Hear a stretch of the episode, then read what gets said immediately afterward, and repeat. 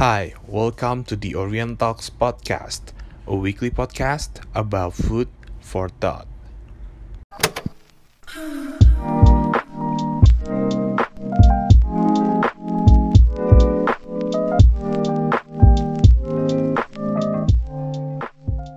Eh, sedikit cerita tentang temen gue yang jadi tamu hari ini. Dia adalah eh, seorang guru. Satu-satunya yang temen gue jadi seorang guru. Namanya sangat cantik, Gabriela Raisa. Memang eh, menyandang nama Raisa tuh berat bro sekarang.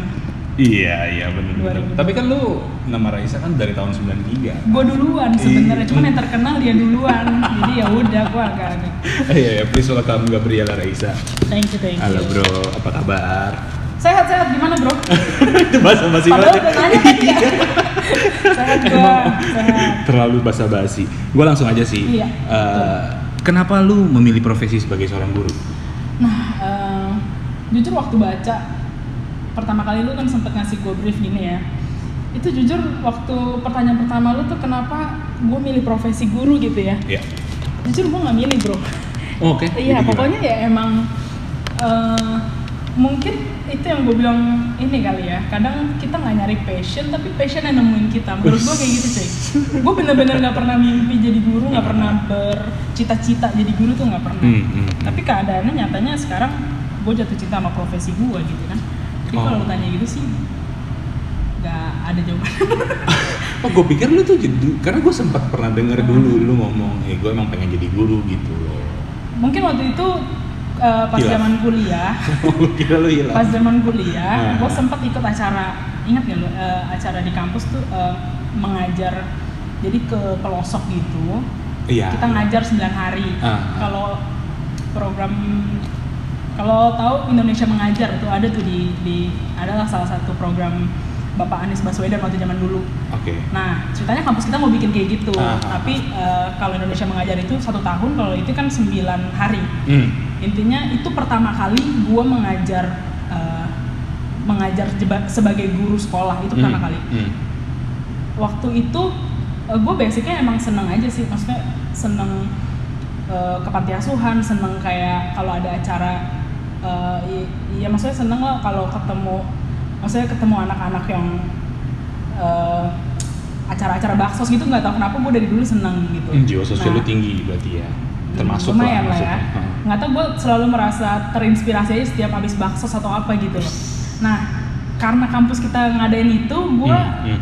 akhirnya gue daftar karena menurut gue wah seru banget nggak sih kayak ngajar di pelosok Hmm, hmm. eh, anak-anak SD di pelosok 9 hari gitu kan gue ikut tuh angkatan pertama baru ada tuh programnya Hmm. waktu itu gue ikut angkatan pertama sampai ada tesnya cuy dari eh, esai wawancara fisik dan lain-lain Hmm. gue udah di tahap tes terakhir gue gak kepilih Oke. terus eh, nggak tahu kenapa gue pengen banget ikut jadi batch kedua gue ikutan lagi Hmm, hmm, gue hmm. daftar lagi waktu itu batch kedua gue daftar Eh, nah puji Tuhannya batch kedua gue keterima Hmm. Jadi berangkatlah itu nah itu pertama kalinya gue ngajar sebagai guru terus di situ wah itu sih 9 hari menurut gue yang sampai detik ini gue tuh nggak pernah lupa rasanya 9 hari itu benar-benar eh, 9 hari paling meaningful dalam hidup gue menurut gue karena Hmm. wah itu nggak bisa itu kalau gue ceritain bisa lama banget cuy coba intinya Nggak apa-apa, nggak apa-apa. nggak apa-apa ya Iya. oke intinya tuh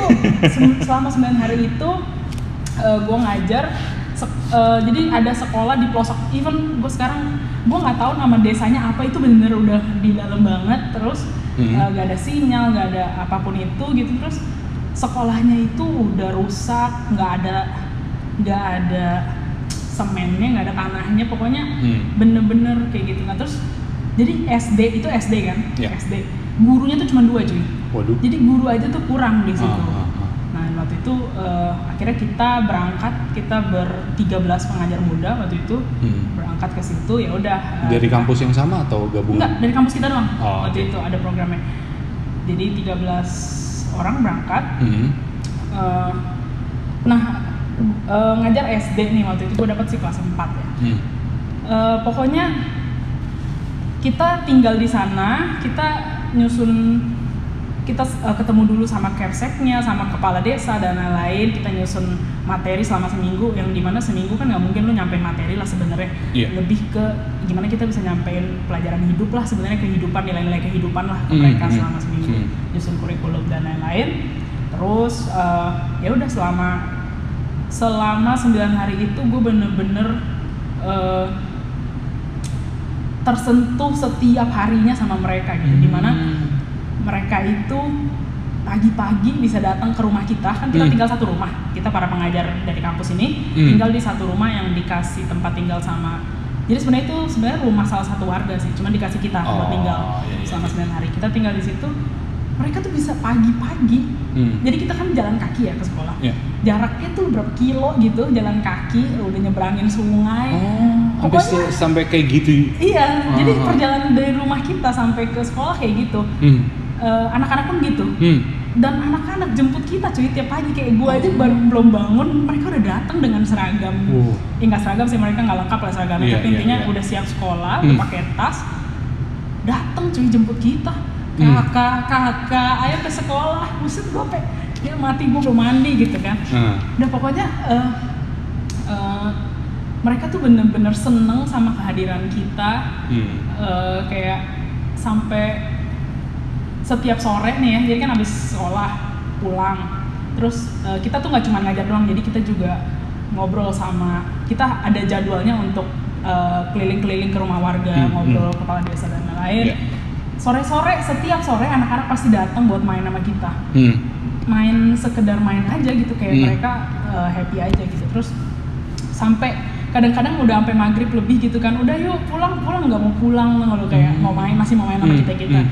Udah pulang kan harusnya maghrib gitu mereka udah pulang. Sampai sampai dijemput lah sama bapaknya atau ibunya gitu. Ayo pulang dulu besok kan ketemu lagi di sekolah Hmm. gitu.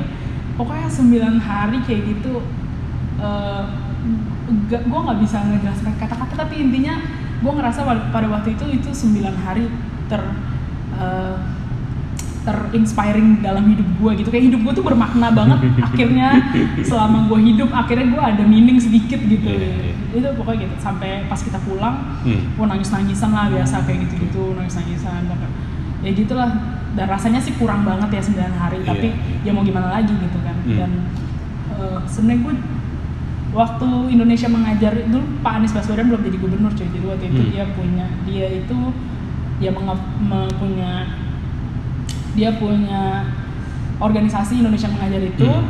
ngajarnya setahun di Hmm. pelosok Hmm. gue udah ikut itu tiga kali cuy ditolak terus Nah, itu Jadi mungkin standarisasinya memang apa untuk untuk Tokopedia Eh, atau enggak? sebenarnya mirip sama yang kampus kita tuh dulu jadi intinya dia banyak banget tesnya dari esai ya, esai interview lah terus tes fisik sama lah endingnya survival test di hutan Kalau tapi gue nggak tahu deh gue selalu nggak selalu mentok baru ngasih esai dapat email nggak lanjut gitu karena Esai- daftar banyak banget Emang saya di pertanyaannya apa aja sih maksudnya? Eh, enggak, lebih ke cerita. Cerita kayak kenapa lu eh, kenapa lu mau ikutan ini kayak gitu gitu. Oh. Karena dia kan banyak banget ya yang Iya. daftar dari se-Indonesia cuy. Iya, iya. Lihat IP juga dan lain-lain gitu lah. Hmm. Pokoknya gue tiga kali deh, tiga kali gue inget banget karena gue pengen banget pada masa itu. Eh, tapi belum rezekinya aja tiga kali gue tolak terus. Tapi itu kalau nggak salah, lu akhirnya nyusun skripsi lu yang non skrip itu tuh lu bentuk itu juga kan ngebentuk maksudnya kayak semacam Indonesia Iya. mengajar itu kan? Iya benar, tapi sehari. karena kan ya pokoknya waktu itu gue bikin skripsi. Lu inget ya bro? Ingat lah. agak ini gue kaget gue padahal kita udah nggak terlalu main tuh ya waktu semester akhir kan dulu gue kan ambil jurusannya seni pertunjukan ya jadi eh, skripsinya harus yang berkaitan sama seni pertunjukan Hmm. Waktu itu gue ambilnya non skrip Hmm. karena gue satu gue males sih sama kuanti kuali dan Iya. dan kedua nggak tahu gue nggak peduli nilai gue yang penting gue maunya skripsi gue tuh kayak baik lagi kayak gue pengennya ada sesuatu gitu ada kepake gitu skripsi gue gitu buat Hmm. orang lain gitu gak Hmm. cuman mau itu dapat C it's okay gitu yang penting ada ada gunanya gitu Hmm. Hmm. jadi waktu itu gue kepikir bikin project Hmm. tentang ngajar ngajar anak-anak kurang mampu cuy tapi ngajarnya eh, bidang seni pertunjukan jadi Hmm. memper- lebih ke memperkenalkan industri kreatif ke eh, waktu itu gue lokasinya di Bantar Gebang Hmm. jadi ke anak-anak pemulung di sana yang tinggal Keren banget sih sebenarnya konsepnya itu ya. mungkin kalau dipikirin kayak lu ngapain kenalin industri kreatif ke anak pelosok sono gitu kan Hmm, hmm. nah waktu itu gue memang cukup banyak research juga maksudnya penting nggak penting gitu tapi balik lagi intinya eh, intinya dari research skripsi gue itu kan industri kreatif tuh lagi berkembang gitu ya Iya.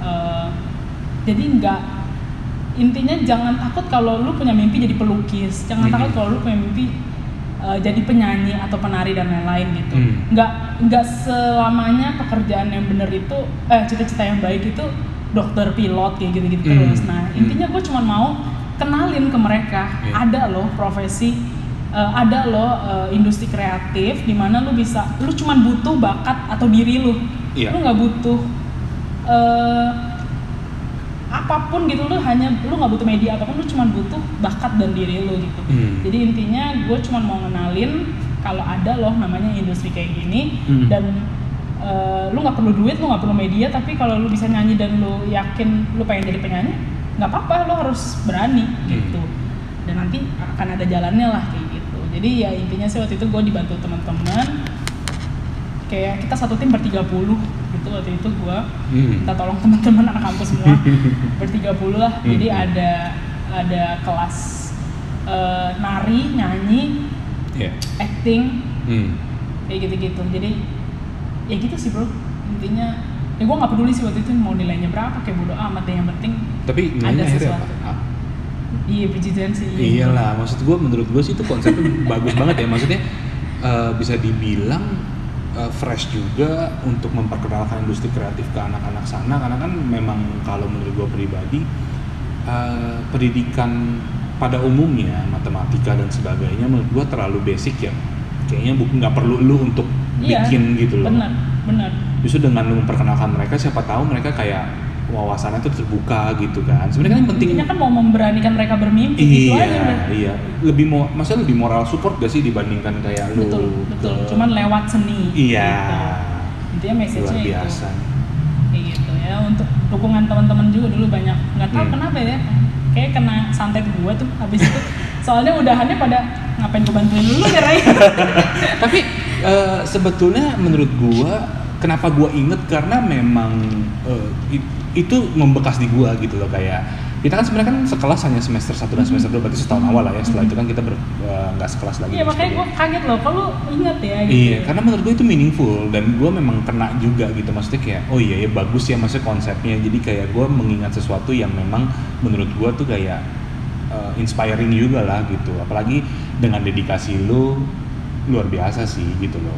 Ya dengan niat baik kan pasti dibukakan Iya, jalan benar yang benar baik. benar cuy itu itu benar banget kayak yang penting niat lu dulu hmm. ntar semesta tuh dukung gitu Iya, ibaratnya. Dan itu itu ya benar. Semua Ah. dimudahkan. Gue nggak pakai duit nggak keluar duit sama oh sekali iya malah. keluar duit sama sekali enggak of course karena gue nyari sponsor Ah, nyari ah, ah. pokoknya eh, cari sponsor gitu kan. Hmm. Eh, bahkan waktu itu kita surplus tapi ya gue sumbangin semua sisanya Hmm, tapi hmm. maksudnya yang penting biaya operasionalnya eh, udah ketanggung Hmm. lebihnya disumbangin sisanya pada saat itu lu gimana tuh cara meyakinkan para uh, sponsor untuk oke ini maksudnya kan kalau tanda kutip ya maksudnya kan sponsor kayak ya ini kan nggak ada exposure Hmm. Iya, sekali betul. sama brand gua gitu loh Betul. dan apalagi lu cuma skripsi kasarnya kan gitu Benar. bukan sesuatu hal yang ada publisitasnya kan bener gue dulu inget banget kayak single fighter lagi kan gue kan Hmm, nggak hmm. pakai kelompok ya waktu itu Hmm. karena gue takutnya bentrok sih kalau skripsi berkelompok-kelompok gue itu tuh sendiri gue inget banget gue strateginya dulu gue uh, media dulu jadi media partneran dulu oh ya gue bawa bawa kampus nama kampus Iya, gue iya. mahasiswa kampus ini gitu Eh, intinya media partner kan kalau media partner kan mereka nggak terlalu berat ya untuk Hmm. mereka juga butuh bahan untuk jadi berita hmm. ya udah jadi mereka eh, jadi saat gue udah punya banyak media partner saat Hmm. gue minta sponsorship ya mereka dengan senang hati karena logo mereka masuk lah pokoknya secara Hmm. itunya ada kan kita kan dulu belajar juga waktu kuliah kan Iya. Pinter Intinya, lu ya. jadi dulu kita dapat aqua dapat ya pokoknya konsumsi tercover operasional tercover bahkan lebih gitu gue juga Hmm. nggak nyangka dulu gue Hmm. pikir dulu udah non skripsi kan udah siap-siap duit lo gitu Iya, kan iya, ibaratnya benar, benar. siap lo keluarin duit pribadi Benar, tapi benar. ya itu Tuhan dukung kalau emang kita punya niat baik gitu tapi lu gitu bro eh, gimana ya maksudnya kepedulian lu terhadap anak-anak yang kurang beruntung terus eh, kepedulian lu terhadap mereka itu dari mana sih munculnya maksudnya nggak tiba-tiba Ah. lu kayak eh iya pas bangun pagi kayak gue peduli nih kayak gitu kan Iya sih bener. Gak tau ya bro, pokoknya gue ngerasa gue selalu kepikirannya setiap kita mau mau menginspirasi mereka gitu ya. Mhm. Setiap kita rasanya sok-sokan gue mau bikin kita mau bakso atau mau apa untuk menghibur mereka, Mhm. untuk menginspirasi Iya. mereka. Padahal pada akhirnya saat kita pulang kita yang terinspirasi gitu. Lu Hmm. pernah ngerasa itu nggak? Padahal kita mau sok menghibur dia, orang dia udah bahagia cuy. Iya iya iya. Dia udah bahagia gitu. Jadi bagus nih. pertama awalnya sih gue jujur kayak baliknya ke diri gue waktu itu kayak Hmm. gue setiap itu gue ngerasa kok setiap abis ini gue yang merasa gue dapat sesuatu ya? Iya.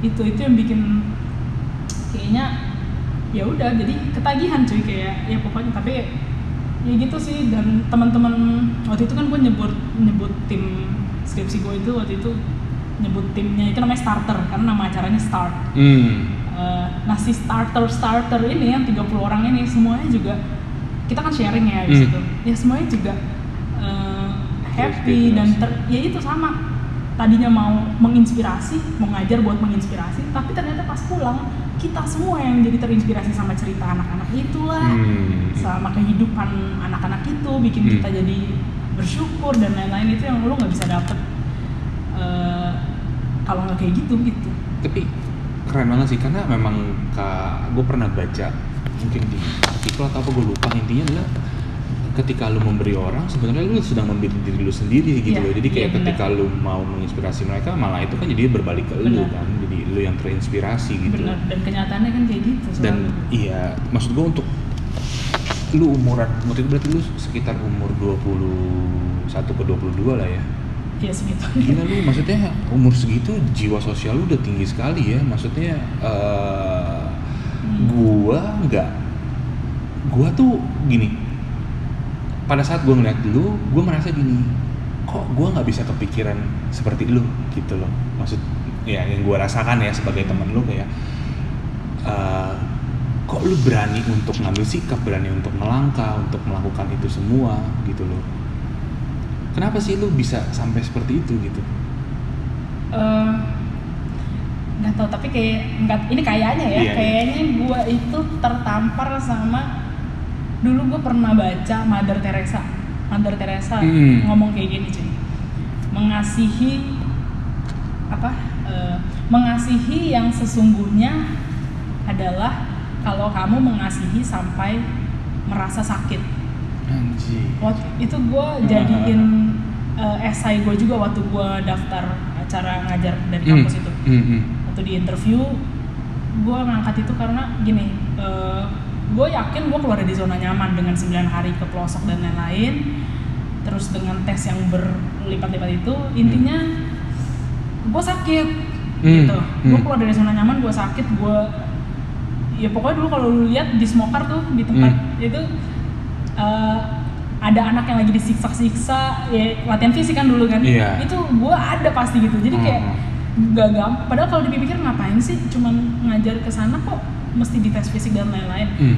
ya intinya eh, di situ gue ngerasa sakit gue Hmm. keluar dari zona nyaman itu artinya gue mengasihi dengan sepenuh hati gitu kalau gue ya bukan berarti salah ya kalau kita memberi terus kita nggak ngerasa sakit bukan berarti salah gimana Iya. pun itu berdampak buat orang lain tapi ya itu mu- mungkin gue tertampar sama Mother Teresa dulu gue pernah baca waktu itu Mother Teresa ada ngomong kayak gitu jadi sejak itu gue ngerasa kalau mau memberi sesuatu ya gue harus memberikan diri gue sampai gue ngerasa sakit artinya gue udah memberi dengan ya bener-bener sepenuh sepenuh hati gitu sepenuh jiwa gue nggak cuma memberi aja gitu pengorbanan lah ya. iya ada pengorbanan mungkin atau Iya. intinya ya gitu sih. Mungkin karena ya Hmm. itulah gue tersentuh sama Mother Teresa sih ngomong kayak gitu.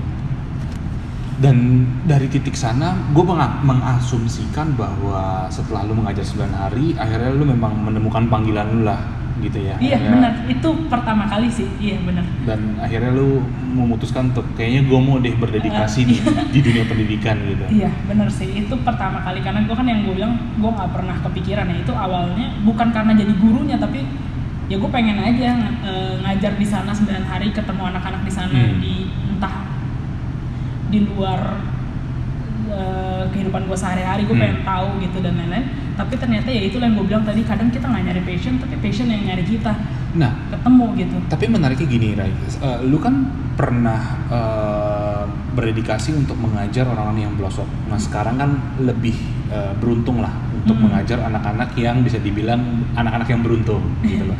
Lu menemukan perbedaannya gak? Kalau misalnya dulu lu merasakan kayak, oh gue kayaknya terinspirasi nih sama anak-anak yang ini gimana? bener Eh, itulah kalau misalnya sekarang gue ditanya Hmm. eh, emang eh, pelayanan ya Rai guru pelayanan ya Hmm. gue gue jujur bagi gue pertanyaan itu bagi gue pribadi agak berat untuk dijawab ya guru tanpa tanda jasa atau lu jadi guru tuh pelayanan bukan sih itu Iya. menurut gue jujur agak berat karena gue ngajar di tempat yang eh, uang sekolahnya mahal sekolahnya gede Iya iya iya. fasilitas fasilitasnya banyak gajinya ada gitu jadi gue nggak tapi kalau guru yang di sono yang Hmm. benar-benar di pelosok itu Hmm. di tempat waktu gue ngajar itu guru Hmm. dua orang itu Hmm. gajinya mah cuma berapa cuy Hmm.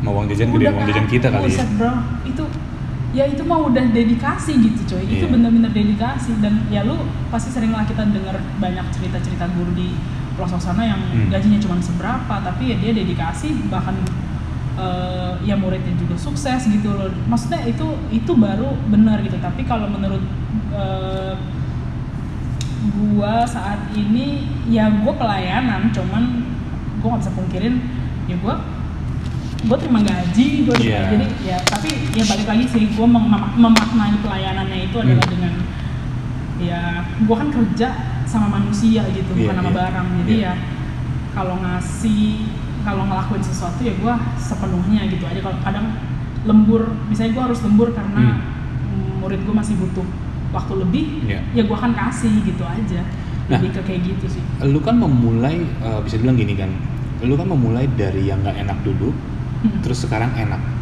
Ya kan beda ceritanya kalau lu memang memulai dari yang enak Ah, ah. nah lu kan pernah ngerasain yang enaknya kalau gua tanya ke lu lu mau gak kalau disuruh balik lagi ke mau pelosok bro mau banget bro asli gue meskipun duitnya nggak sebesar yang Asli, sekarang Iya bener. Gue sebenarnya itu yang gue bilang sama lu cuy. Gue Ah. udah daftar dulu gue daftar Indonesia mengajar. Gue Hmm. sampai patah hati cuy tiga kali gue ditolak. gue nggak tahu salah gue di mana. Gue kayak Iya. nulis esai udah sepenuh hati. Gue emang bener-bener gue pengen deh. Hmm. Even dulu gue kan cuma tinggal sama nyokap ya. iya iya Nyokap gue pun sebenarnya kayak ah, ya janganlah. Maksudnya ma mami kan sendiri gitu Iya. kan.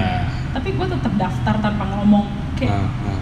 tapi ya itu bro gue ngerasa ya udah mungkin eh, Tuhan mau ngomong kayak ha- mas eh, ibaratnya di deket sini ada keluarga lu yang harus lu jaga dulu Iya. ya ya lu punya tanggung jawab dulu di Hmm, sini ya lu hmm. lakuin tanggung jawab di sini dulu jadi Hmm. eh, jujur kalau gue kalau dibilang gue mah pengennya ya cuy dulu lulus kuliah Hmm. udah entah berantah nomaden Hmm. ngajar di mana di pelosok gue demen banget nonton film-film yang kayak guru ngajar di pelosok kayak kayak Hmm.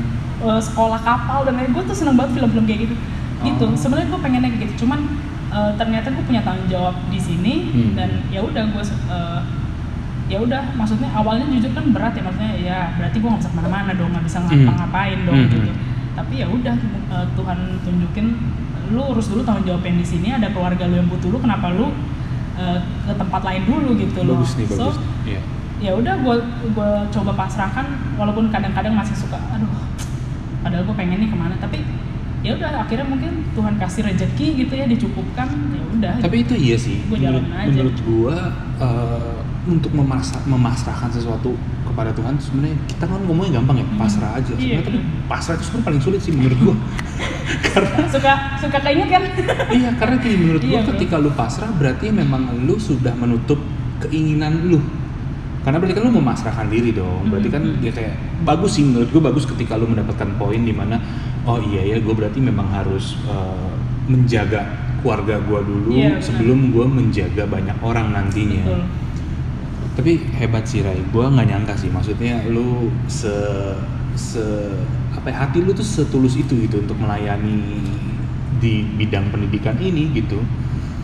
soalnya kan yang gua kenal kan Reza emang bacot ya maksudnya ya maksudnya kayak bukan bacot dalam arti negatif ya tapi Hmm. maksudnya eh, selalu ceria selalu membawa keceriaan di tengah teman-teman Pokoknya kalau gitu eh, baru kenal atau maksudnya yang nggak terlalu kenal gitu pasti nggak nyangka lah kalau hah lu guru gitu pasti kayak gitu gitu itu kayak gue mau udah kayak biasa aja kalau orang Iya. ngomong hah sumpah lu guru gitu kadang-kadang temen gue juga ngenalin ke temannya lagi ini guru loh ini guru loh kayaknya.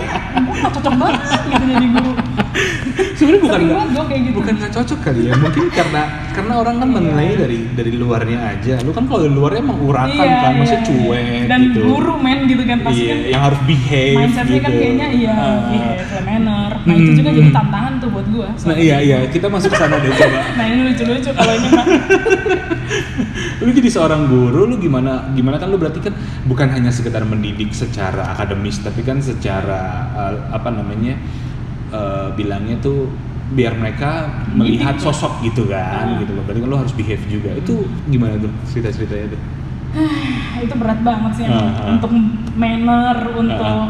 behave gitu ya itu itu tantangan gue dari tahun pertama gue ngajar sampai detik ini tapi ya untungnya gue Hmm. juga guru seni ya kan gue kan guru seni jadi Iya. kayak Iya, nggak nggak usah terlalu kaku, Nggak strict, nggak- nggak- iya sesuai sama kepribadian gue dan Iya, lain-lain. strict Tapi ya, kalau gue intinya gini kayak gue ngerasa lu pendengar nggak quotes? Ini ada quotes quotes gitu cuy dulu Hmm, suka dengar hmm, hmm. Eh, be the teacher you want when you was younger.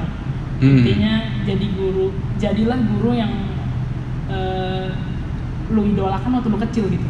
Hmm, hmm. nah itu gue sangat menerapkan itu gitu kayak dulu tuh waktu kita muda tuh pengennya guru kayak apa sih gitu iya iya iya Nah, jadi gue berusaha jadi, tapi baik lagi tetap ada nilai-nilai yang lu nggak bisa sembarangan gitu. iya of course Gue punya, ini ini mungkin gue ceritain aja deh Iya. pra- eh, realnya ya. Ah, Ya. ah, ah. jadi gue dulu per, sekarang kan gue lagi ngajar SMA nih. ah ah. Dulu gue pernah ngajar SMP. hmm. Eh, terus anak SMP lu tau lah kayak eh, ya pecicilan malah gitu kan. Hmm, Dulu lagi ngehits puter-puter buku cuy. Lu tau Iya, nggak? iya, iya, Muter-muter iya, iya. buku gitu.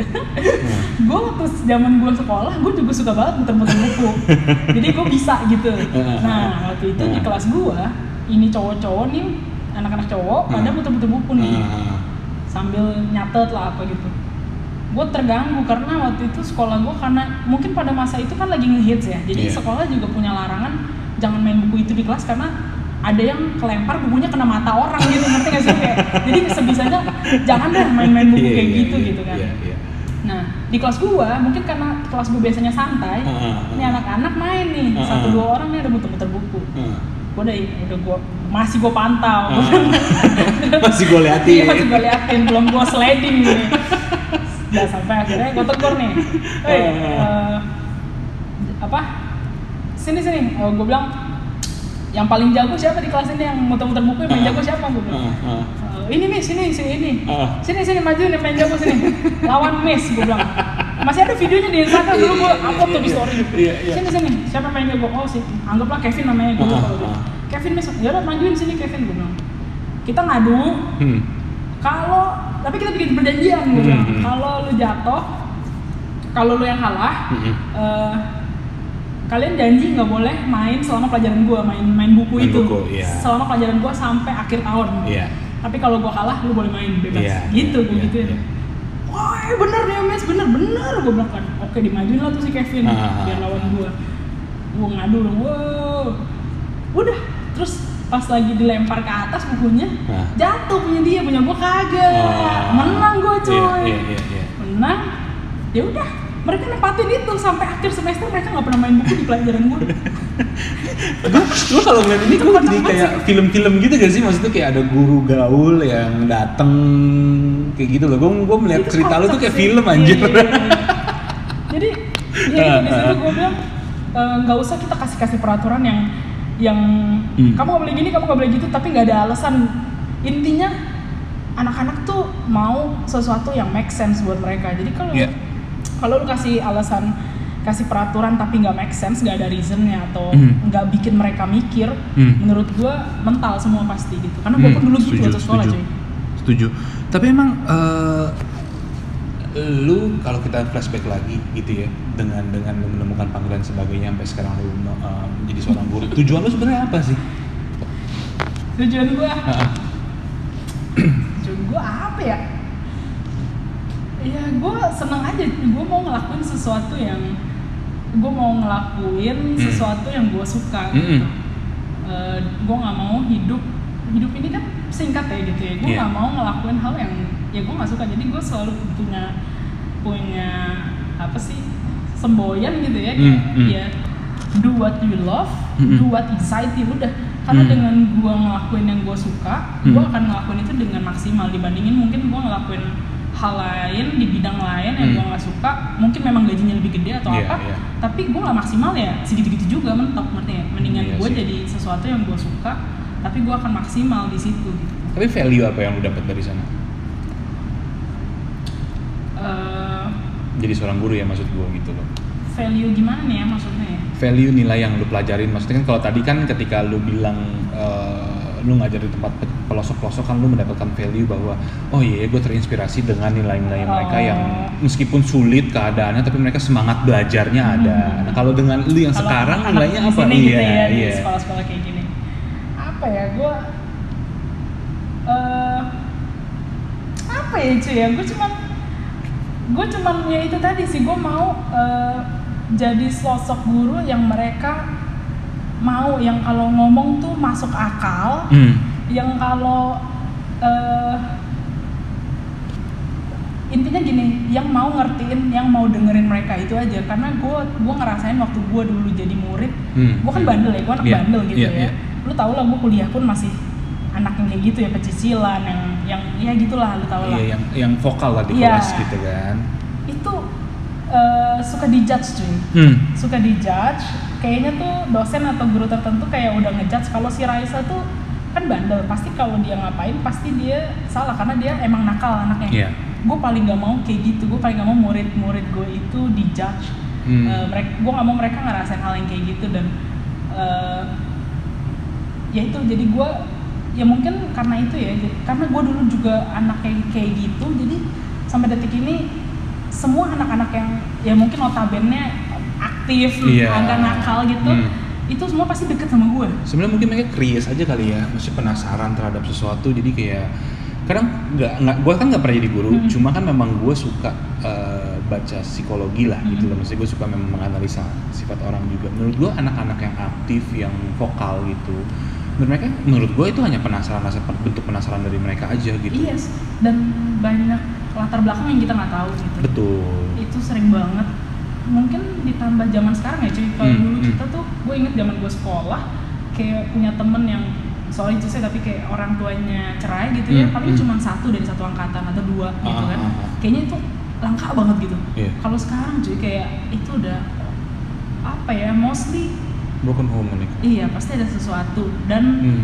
eh, ya itu salah satu value di, di sekolah tempat gue saat ini Hmm. yang gue suka banget karena eh, sekolah gue yang saat ini itu kayak me- apa sih men, hmm, apa sih sebutannya pokoknya lu tuh as human gitu as Iya, human iya. sepenuhnya jadi Iya. kalau dia melakukan sesuatu atau dia ada problem apa kita pasti lihat juga latar belakangnya emang kenapa emang di keluarga Hmm. ada apa oh pantesan dia jadi begini jadi Hmm. begitu jadi nggak semata-mata eh, dijudge terus ya udah tegas jadi tegas itu kan sebenarnya eh, nggak cuman oh kalau dia kalau dia melakukan A akibatnya adalah B titik udah nggak kayak gitu tapi Hmm. sometimes ada hal-hal yang lu harus cari tahu kenapa dia begitu dan ya mungkin dia nggak perlu dikasih hukuman karena dia ada sesuatu dan lain-lain kayak gitu-gitu sih. berarti butuh kedewasaan dong lu Oh iya, benar. kedewasaan Yes. bukan sekedar kedewasaan menghadapi hidup ya tapi kedewasaan lu untuk mengerti posisi si anak itu Iya, dan gak gampang lo maksud gua eh, apalagi kita yang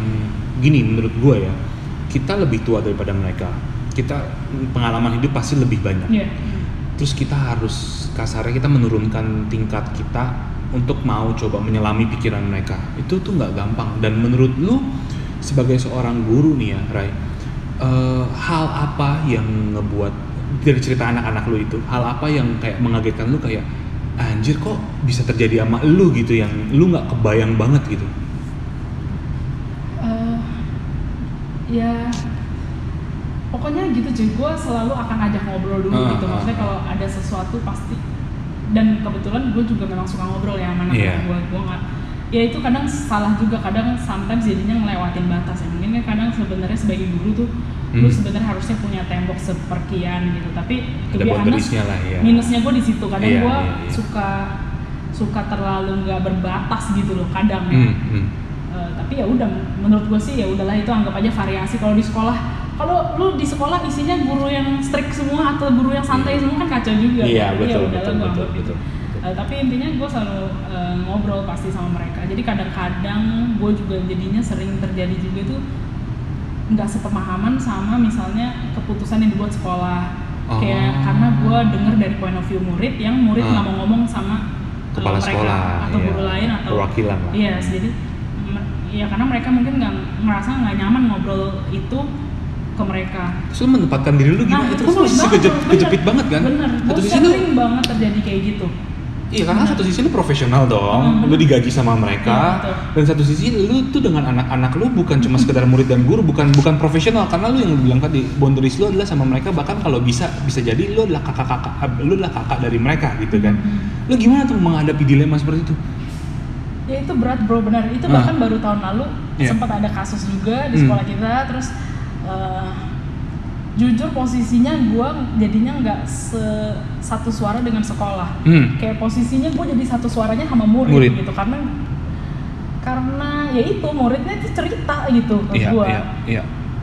jadi ya tapi gimana pun itu ya maksudnya gimana pun ya gue akan mencoba eh, kasih pengertian maksudnya gimana ya Eh, karena sekolah nggak semata-mata juga loh memutuskan itu pasti kan mereka juga ada inilah ya. Jadi paling ya gue nggak bisa juga gitu kalau ya pokoknya itu tahun lalu itu waktu itu posisinya eh, nggak nggak mungkin gue juga bisa ngerubah keputusan sekolah dan waktu itu. Oh, tapi tapi eh, ya karena gue tahu ceritanya dan murid-murid gue mau cerita Iya. ya gue berusaha secara personal aja ngerti gak sih lu? Ah, kayak ah, secara personal aja ngebangkitin semangatnya secara personal kayak ngasih tahu kalau eh, ya sekolah memutuskan ini juga pasti ini tapi ya udah tapi gue percaya kok kalau eh, kayak gini jadi Hmm, hmm. lu tetap begini aja jadi intinya secara gue pendekatannya personal aja karena gue nggak bisa juga waktu itu merubah keputusan eh, sekolah gitu Tapi pernah gak ada satu kasus yang nggak sebesar itu ya? Maksudnya Hmm. yang nggak sebesar itu yang eh, lu mencoba memberikan pengertian ke guru-guru lain nih, maksudnya ke manajemen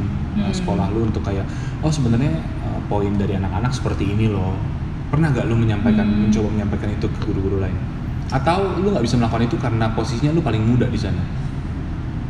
Eh, mungkin kalau cerita ke sama guru ada gitu ya tapi ke Ah. guru tertentu yang seumur umuran kita juga biasa Iya, gitu iya, kan iya, iya. tapi tetap kayak nggak bisa ngerubah keputusan sekolah gitu tapi ya itu seringnya kayak gini loh misalnya Hmm. ada murid yang notabene kayak tadi lah notabene nakal misalnya gitu Hmm, hmm. biasanya kenapa sih dia kok kayak apa udah ini udah dirapatin nih kayaknya nggak naik nih gitu kenapa sih Oh gitu iya kan itu benar-benar. Nah, terus eh, ya waktu gua ngobrol ternyata dia tuh nggak niat gitu dia nggak niat sekolah di sini dia nggak niat masuk jurusan ini Hmm. dia tuh niatnya ini SMA ya, Tapi- sorry, ini SMA, SMA. SMA. Oke, oke. ya tapi eh, gimana gitu orang tuanya maksa ke situ jadi dia ngejalanin ini ya berat cuy gitu kan Hmm. jadi ya eh, gue nggak bisa ngelawan keputusan sekolah karena ya tapi gue juga nggak bisa pungkirin gue kan eh, bukan senior ya maksudnya gue itu guru baru lah ya itu kan maksudnya masih umur segini ya gue masih banyak Hmm. perlu belajar. Hmm. jadi iya baik. Kadang tabrakannya gini bro. Guru Hmm. muda biasanya idealis kan tabrakan sama keputusan-keputusan sekolah itu. Itu sering terjadi. Gue sering Ah. ngobrol sama guru muda juga sering kayak gitu cuy. Hmm, tapi hmm. ya udah kita nggak bisa kita bisa kalah coy. Iya, gitu. kita tapi ya udah eh, ya kita harus belajar juga.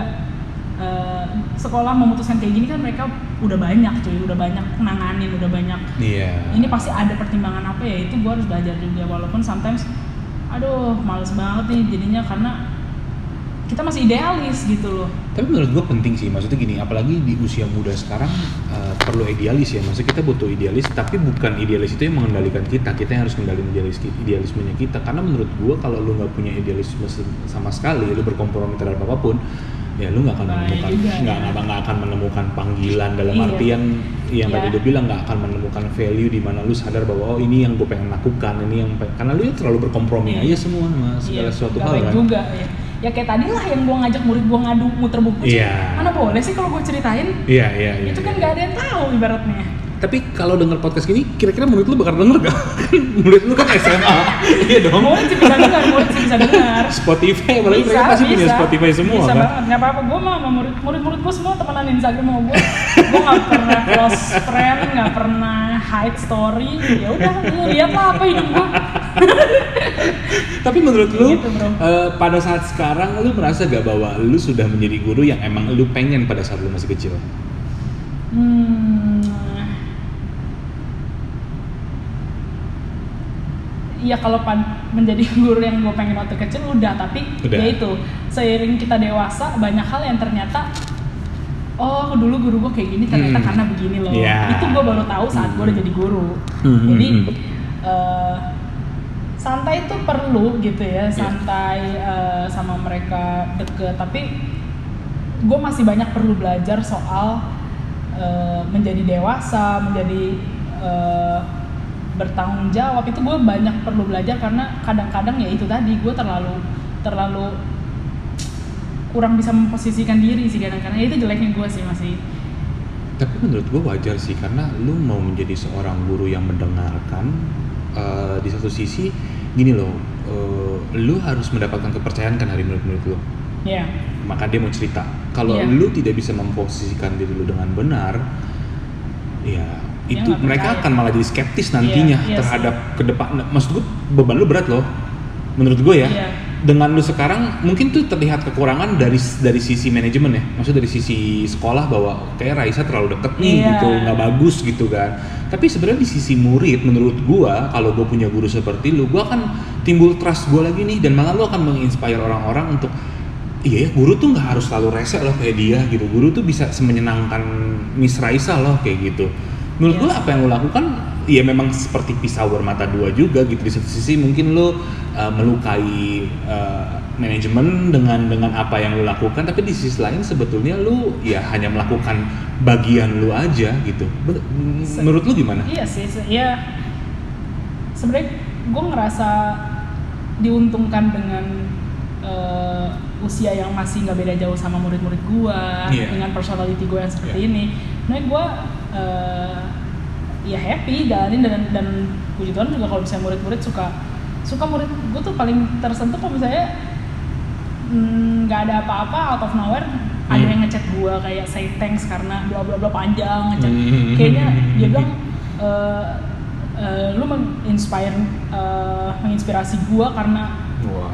eh, kayak lu eh, thank you miss karena eh, lu udah menjadi diri lu sendiri gitu you Keren be sih, you keren, being yourself keren, eh, keren. and Ah. dan itu menginspiring gua padahal Iya, iya. nah itu gua suka ter itu itu yang menurut ya. gua pro, gua nggak akan dapat di profesi lain gitu mahal itu ya mahal, itu yang coy. mahal iya nggak bisa dibeli emang gitu. gua ngapain kemarin Iya, gitu. iya, tapi iya, ternyata iya, iya. oh ya ya udah itu itu ya itulah mungkin eh, kita ya, tapi nggak bisa dipungkirin juga lah bro kadang-kadang gue memang kurang dewasa atau kurang apa ya dalam mengambil keputusan untuk Hmm. ini tapi ya itulah perlu belajar memang gue kan masih banyak masih panjang yang perlu gue pelajarin gitu Tapi kan bagus kalau lu memang punya kesadaran itu menurut gue. Yang Iya. jadi masalah kan kalau Iya, menurut iya, gue iya. yang menjadi masalah setiap orang adalah ketika mereka melakukan sebuah kesalahan mereka nggak Iya. sadar mereka salah gitu Iya. kan. Kalau lu udah sadar ya bagus lah. Maksud menurut gue ketika lu punya kesadaran itu ya dengan lambat lambat laun pasti akan berubah karena Iya. lu aware poin lu di mana yang kurang gitu Iya, kan. bener, kayak Nah, nggak bisa eh, juga sih kalau terlalu santai doang tanpa Iya. ada ini gitu. Oke, gue mau nanya lebih deep lagi nih. Apa yang lu harapin ke murid-murid lu? Ya, gue mengharapkan mereka jadi orang yang berani eh, berani mengambil gini, berani menjalani yang mereka mau. Itu aja sih gue sebenarnya karena Hmm. balik lagi ke gue pribadi juga Iya. gitu. Apalagi makin murid gue SMA cuy, Hmm. Mau kuliah biasa kan, Iya, udah mulai mulai galau-galau milih gitu. jurusan. Itu sering banget curhat kayak Hmm.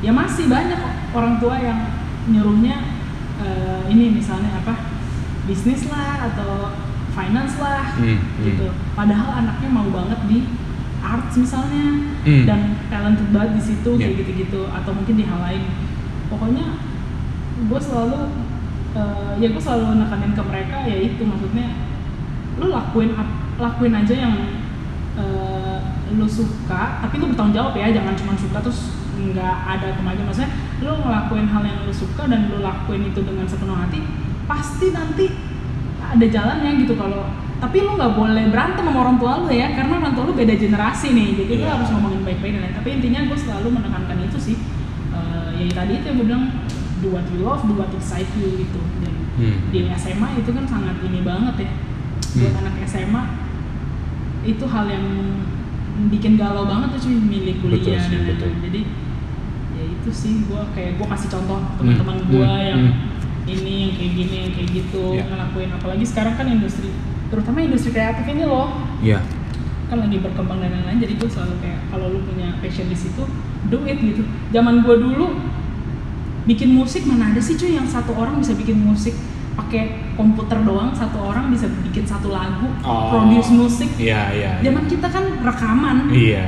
ngerekam teks satu satu satu satu jadi betapa berkembangnya jadi lu nggak usah takut Hmm, hmm. apalagi zaman lu gede coy Iya. zaman lu gede itu mah zaman lu kerja nanti udah itu banget jadi ya udah gue selalu akan itu aja sih gue setuju sama poin lu kenapa karena benar kata lu ketika teknologi udah maju sumber daya manusia akan berkurang semakin berkurang Iya, gitu dan yang nantinya akan unggul bukan lagi individu-individu yang pinter doang tapi individu-individu yang kreatif Iya gitu loh. benar-benar benar. dan gue selalu percaya bahwa individu-individu yang kreatif itu punya nilai lebih dalam melakukan segala sesuatu hal gitu dan gue setuju banget sih sama poin yang pengen lu sampaikan ke anak-anak lu mungkin uh, ya kita kalau kita balik lagi gitu ya ke umur 17-16 tahun kita juga nggak mungkin berpikir sedalam itu gitu Iya, yang kita pikirin iya. adalah gue milih ini apakah akan membahagiakan orang tua gue tapi kalau gue pilih ini orang tua gue bahagia sih tapi gue nya enggak. Enggak, iya. kan?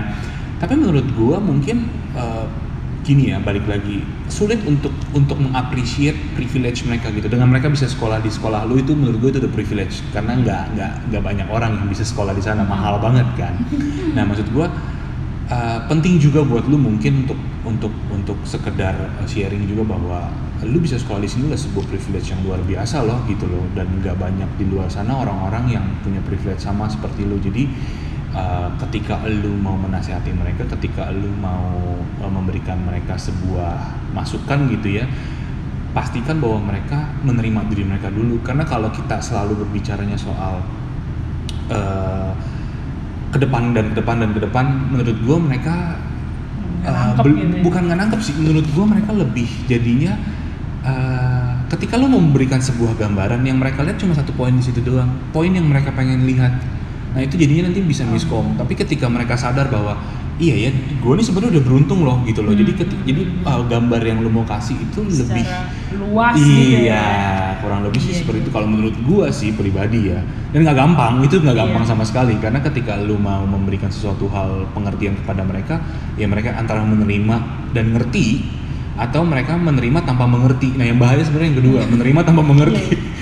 jadi kita harus kasih sudut pan- sudut pandang lebih luas sih ya iya iya kalau menurut gue sih gitu ya. Apalagi lu mungkin apalagi kan lu punya background yang yang uh, bisa dibilang uh, bertolak belakang sama mereka juga gitu. Mungkin lu bisa bilang kayak dulu mis sekolah juga kan nggak nggak Iya. nggak seenak kalian iya gitu. iya iya benar benar benar. Gitu sih kalau kalau menurut pandangan gue ya. Dan uh, menurut lu challenge terbesar apa ketika lu menjadi seorang guru? Ya itu tadi bro profesionalism. To be Ah, ah, honest ah. itu itu buat gue berat banget. Kayak ini jangan dicontoh ya ini Iya. don't try this at home Joy. Jadi ini jangan dicontoh. Intinya eh ya itu tadi kan gue sempet cerita sama lu tuh. Ya ngomong kasar atau itu Iya. sangat gue refleks coy. Kadang kan kalau sama temen kan kita suka refleks aja anjing gitu ya. gitu ya. Iya kan? Ah, anjing lah kita nggak usah ngomong yang iya, lain lah ya. gitu kan. Anjrit gitu, anjir gitu. Tapi eh, kalau saat gue posisinya gue lagi jadi guru, ya ya gue harus jaga banget itu gitu kan. Itu salah Hmm. satu itu salah satu hal yang paling sepele lah sebenarnya kan. iya Ya itu. Apalagi kalau yang berkaitan sama pola pikir dan lain-lain, ya sometimes mungkin gue ngerasa A, tapi gue harus kasih ke pengertian ke murid gue B. Itu Hmm. sering terjadi dan Ah. Eh, ya tapi itu pendewasaan buat gue juga sih menurut Aha. gue dengan menjadi guru sebenarnya gue banyak belajar banget juga sih sebagai menjadi manusia gitu ya. Ah. Iya challenge ya itu menurut gue profesionalisme profesionalisme itu dari baik dari tutur kata dan bertindak dan pola pikir gitu sih. Kayak sejak gue jadi guru Instagram eh, di Instagram gue tuh nggak pernah ngomong kasar, nggak pernah kayak misalnya teman gue, gue lagi story temen gue ngomong kasar, gue nggak post loh. Oh. Kalau lu perhatiin tuh di Instagram gue nggak ada ngomong kasar Iya, sejak iya. gue jadi guru. Berarti lu Jadi kan- itu ya. ya gue juga belajar karena Ah. sebenarnya kan nggak boleh lah maksudnya Ah. janganlah gue jadi karakter gue juga nggak mau jadi guru yang kayaknya eh, begini tapi di depan murid doang tapi di belakang gue apa pribadi yang berbeda itu gue juga nggak mau kayak gitu dong gitu Hmm. kan kalau memang itu men- eh, hal yang nggak baik ya gue belajar untuk sekalian ngilangin juga Ya, berarti gitu aja. somehow dua, dua- maksudnya dua sisi ya, lu ke murid dan murid ke lu juga Iya, sama gitu iya, kan, iya, memberikan lu. masa kita ngomong cuman Ya. di depan padahal gue nggak kayak gitu kan gue nggak mau. Ah, nah, kalau eh, nggak nggak nggak mungkin ketika lu mengajar tuh lu nggak menemukan masalah gitu loh. Nggak mungkin, itu kan pasti ada dong masalah tingkah laku, pola tingkah laku ya kita bahasnya ke situ ya, yang kita lebih narrow aja. Cara lu menyikapi tingkah laku anak yang menurut lu kayak, wah ini kayaknya udah kelewatan nih. Gitu. Tapi kan di satu sisi lu mau menginspirasi mereka nih, Hmm. ya dong. Nah gimana cara lu ngebalance itu dalam artian lu menegur mereka tapi nggak membuat mereka tuh sakit hati? Kalau menurut gua, tapi sejujurnya ya, Hmm, sejujurnya, eh, karena gua guru seni, Iya, pelajaran gua itu ya seni coy. iya, iya. Gue jarang, kebiasaan gue jarang menemukan kasus-kasus eh, murid yang problem di kelas gua karena karena bahkan mungkin saat kita rapat guru nih ya, Hmm. ini anak ternyata di kelas lain problem banget, gue baru tahu karena Oh. rapat. Karena di kelas gua anaknya baik bagus banget, Oh, mau jadi Oh. pemeran utama, bertanggung Oh. jawab Oh. dan lain-lain. Tapi ternyata saat rapat guru gue baru tahu ini anak parah banget misalnya gitu, Hmm. nggak- apa tidur mulu atau apa gitu. Hmm. Itu gue sering kali menemukan Hmm. di sebagai guru seni gue sering menemukan kasus kayak Hmm, gitu. hmm, hmm. Jadi ya ya ya gue sih cuman karena itu anak di kelas gue kok uh, fine gitu ya. Jadi ya tapi gue sebenarnya kan tahu gitu ya Iya, kalau iya. di kelas. Iya gue cuman secara ini aja lah maksudnya gue pelan-pelan aja slowly kasih tahu maksudnya biar mereka berintegritas gitu loh nggak Hmm. cuman di pelajaran yang dia suka, Suka, iya. dia jadi bersikap baik karena kan hidup nanti nggak kayak gitu Iya. kadang hal yang lu nggak suka tapi lu harus hadapin ya lu harus hadapin dengan baik gitu lu nggak bisa karena lu nggak suka nggak mau karena aku nggak suka aku nggak peduli aku gini aja. Kan nggak bisa gitu hidup nanti coy. Tapi menurut lu, lu menjadi kalau yang gue dengar dari cerita, ya cerita lu adalah berarti lu adalah sebagai so- sosok seorang guru yang uh, mungkin lu mendengarkan. Karena gini loh menurut gua anak-anak itu cuma butuh didengar. Benar. meskipun nggak nggak bisa kita pukul rata ya. Iya. Ya, mungkin ada juga yang lu dengerin tapi masih aja. Tapi setuju gua. Kalau Iya. lu bilang intinya mereka mau didengar gitu Iya gak sih? Karena kita balik lagi kita dulu gitu kan, eh, kita tuh pengen didengarkan karena apalagi kalau orang yang punya sistem tiger parenting dalam Iya. artian Iya. lu sekedar ngomong eh, mama bangga sama kamu atau papa bangga sama kamu aja nggak pernah gitu, tapi nuntut nuntut nuntut. Sorry itu saya, karena kan lu sekolah yang menurut gue pendidikan itu utama. Hmm. Jadi anak ketika masuk itu pressure udah gede loh. Iya. Lu sekolah di sekolah lu kan eh, capek sih cuy Iya, capek ni- ni- nil- nilai akademis itu sangat-sangat di, Betul. di, dikedepankan gitu kan. Nah, lu adalah solusi bagi mereka. Mungkin solusi jangka pendek dalam artian, oh ada Miss Raisa nih yang mau dengerin kita. Iya. Which is nice banget sih menurut gue ya. Dan dan lu mem- memainkan peran yang luar biasa. Meskipun lu bilang lu cuma guru seni dan sebagainya, tapi menurut gue peran peran lu tuh sebenarnya lebih lebih daripada itu sih. Iya sih, iya benar. Gua merasa eh, men- ya itu sih karena gua posisinya waktu sekolah juga kayak gitu ya, Hmm. anak-anak yang kayak gitu. Jadi Hmm. ya gue tahu kalau ya benar kalau lo tadi bilang kayak yang penting gue didengerin, tapi kadang-kadang kita nggak didengar. Ma- eh, gimana ya? Kita sama guru kadang-kadang ya itu baik sih apalagi udah dijudge ya karena Iya. kalau udah dijudge tuh udah apa yang lo omongin dianggapnya selalu salah karena emang dia bandel anaknya Iya, iya. Gue selalu berusaha sih enggak jadi tetap dengerin tetap memposisikan diri eh, di dia dulu. Hmm. ya baru nanti ambil sikap gitu jadi ya itu sih. Hmm. hmm. ya mesti main peran. Untungnya gue guru drama cuy. Cocok lah ya sama. drama, iya kan? iya. Nah ini mungkin gue lebih ngebahas yang lebih ringan sedikit ya. Iya Eh, berat amat bro. Tadi eh lu tau gak kita udah berapa lama rekaman 5 menit 54 menit. Gila ya 54 menit dan maksudnya ngalir. muter-muter doang kan berat nih gue deg-degan kalau diajak ngomong berat Enggak, enggak. Nah, eh, moga-moga ini tidak menjadi sebuah hal yang akan lu dicengin sama murid-murid lu dulu ya. Jadi gini, eh, sedikit cerita mungkin ya kalau murid-muridnya Miss Raisa mendengarkan. Jadi Miss Raisa itu dulu pernah datang ke kampus kondisinya sudah telat sekali ya. Tau gak arah obrolan gue mau ke mana? Nggak tahu gue. Nggak tahu ya. Oke, jadi waktu itu dia datang ke kampus di kelas eh, kelas PR waktu itu eh, lagi telat sekali. bentar dia. raining hard out Iya. Jamet. Jadi waktu itu kondisinya adalah eh, kelas kita dimulai eh, jam setengah sembilan atau jam 9 pagi lupa. Pokoknya intinya dia setengah jam terlambat datang ke kam- eh, datang ke kelas. Harusnya tuh dia udah udah udah dihitungnya absen gitu. Cuma kan karena dia punya fighting spirit yang tinggi dia berdebat dulu nih sama sama mem siapa gitu gue lupa namanya. Nah jadi eh, waktu itu iyalah. jadi mem itu dita- eh, nanya dong ke Miss Raisa ini. "Eh, kenapa kamu terlambat? Eh, it's raining hard outside, Miss. dulu Inggris gue ya begitu lah Nah itu yang gue mau nanya itu.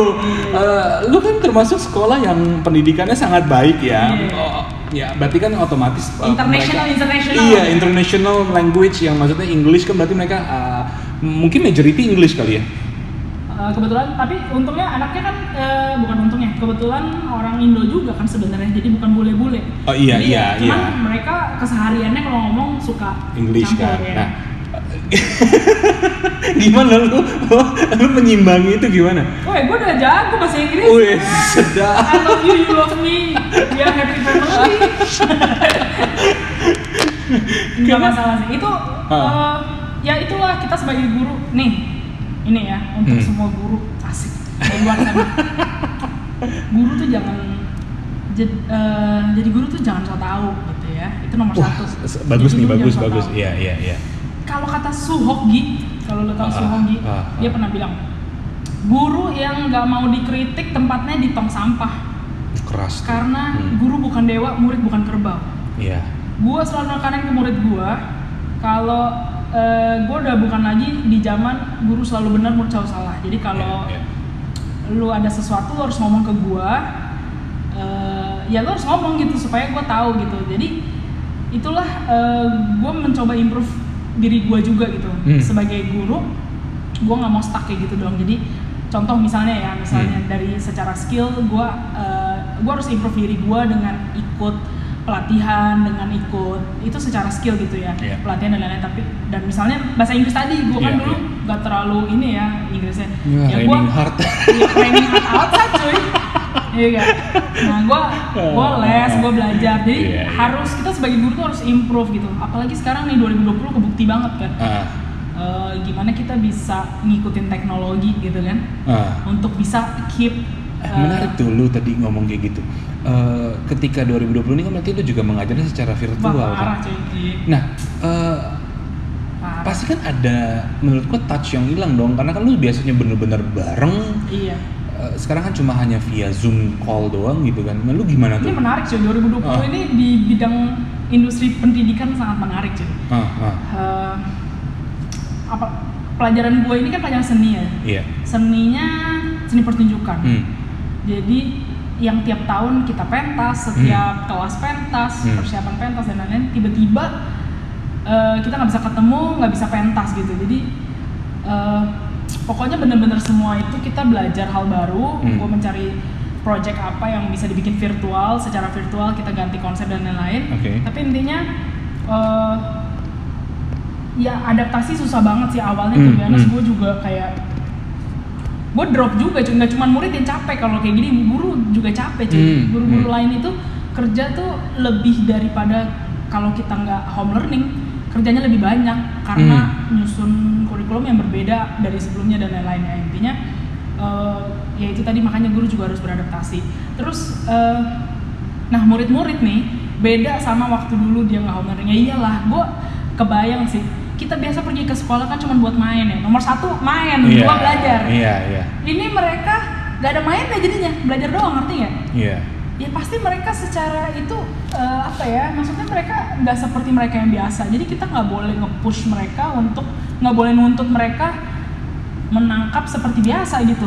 Pasti banyak hal yang eh, mereka tuh udah tertekan banget di keadaan seperti kayak gini Hmm. capek letih segala macam jadi ya kita sebagai guru ya itu tadi gue bilang makanya banyak yang kerja lebih daripada biasa. Karena kita harus gue punya plan nih kayak gini nih. Gue Hmm. punya study plan segini gitu ya satu Hmm. semester timetable gue begini bisa itu berubah kayak berubah Hmm. banget dan gue harus ngerubah banget tapi ya udah kalau gue menurut gue guru yang baik itu adalah guru yang bisa beradaptasi sama keadaan jadi nggak strict sama ini Eh tapi Rai, gue mau nanya deh, Eh, pasti kan ada murid, apalagi lu bilang banyak yang memang latar belakangnya adalah dari broken home kan. Mhm. Berarti dalam tanda kutip, gue berasumsikan adalah asumsi gue, eh, mungkin dia juga nggak betah di rumah.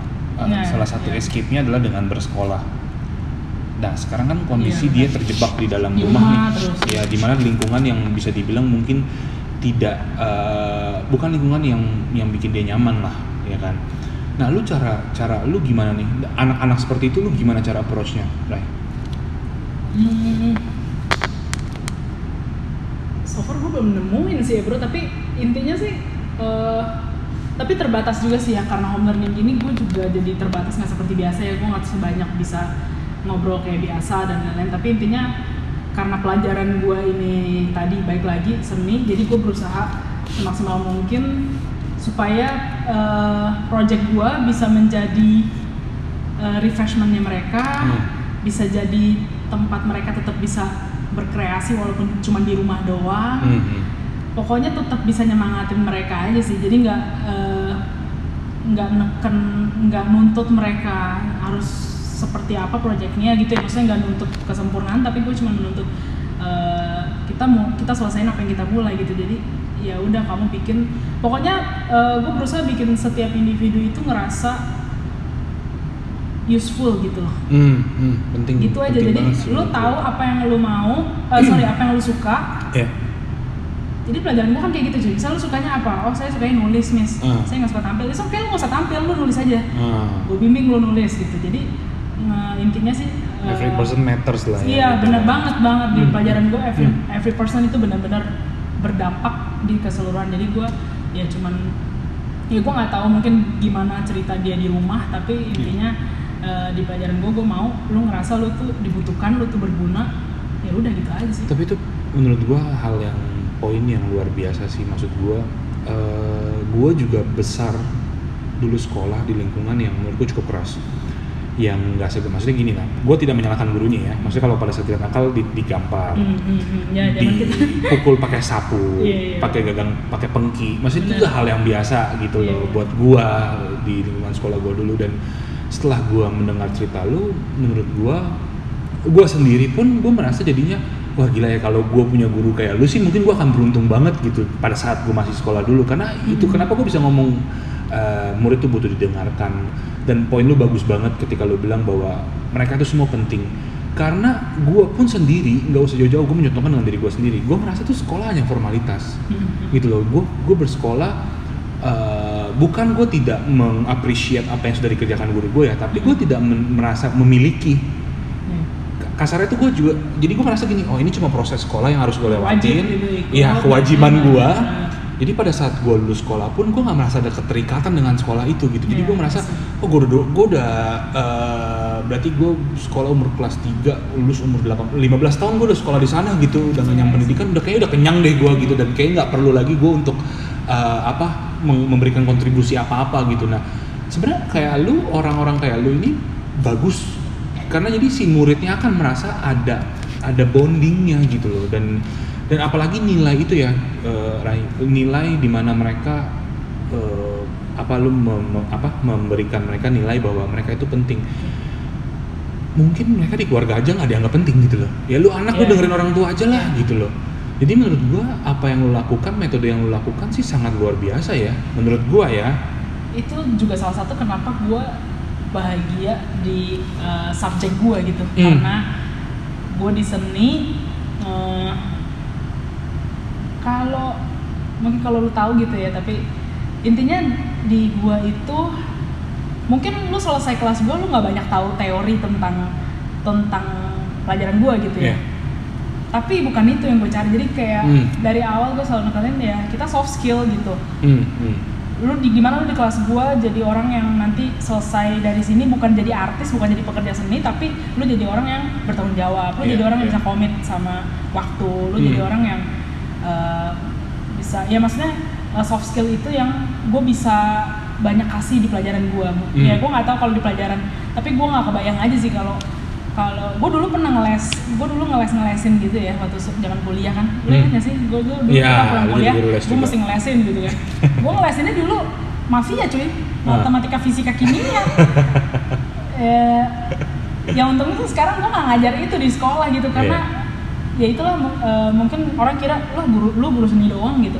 Tapi sebenarnya di seni sebenarnya lu banyak bisa dapat value kehidupan tuh di pelajaran kayak gini cuy Ya, Bener iya. dah. karena nggak ada kurikulum yang saklek kan. Iya, gua. bener. Lu nggak mungkin gua- ngajarin matematika satu tambah satu Nah, tiga, kan nggak mungkin dong. berat kan kalau itu ya gue nggak bisa salahin juga kalau gurunya nggak terlalu bisa banyak nanemin nilai-nilai gimana tadi. gitu ya Iya, karena iya, ya iya, mereka iya. dituntut ngejar materi yang seperti itu Betul, nah, betul. makanya gue di field gue ini gue berusaha ya semaksimal mungkin lah kayak gitu bisa membantu mereka secara eh, individu secara human gitu Hmm.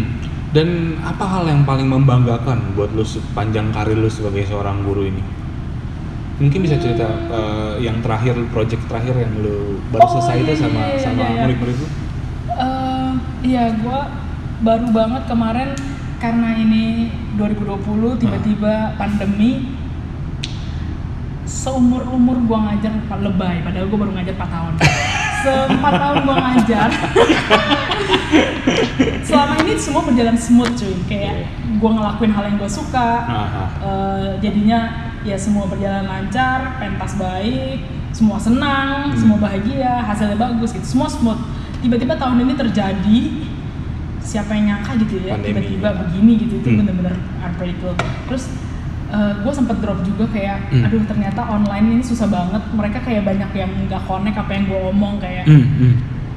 tapi eh, ya gue cuman bisa motivate mereka terus kayak guys eh, ini hal baru jadi gue tuh kita virtual project kali ini Iya. ya kan otomatis gitu kan dari awal itu semua konsep udah secara virtual nggak yang kayak Hmm. pentas on stage jadi dari awal gue juga udah nekenin ini hal baru nggak ada seniman yang udah pro di bidang ini semua orang semua seniman tiba-tiba putar otak untuk menjadikan ini virtual Iya. semua seniman tahun ini Hmm. jadi nggak ada yang namanya pro di sini Hmm. so kalian bisa jadi uh, seseorang yang pro itu gitu kalian bisa jadi motornya Hmm.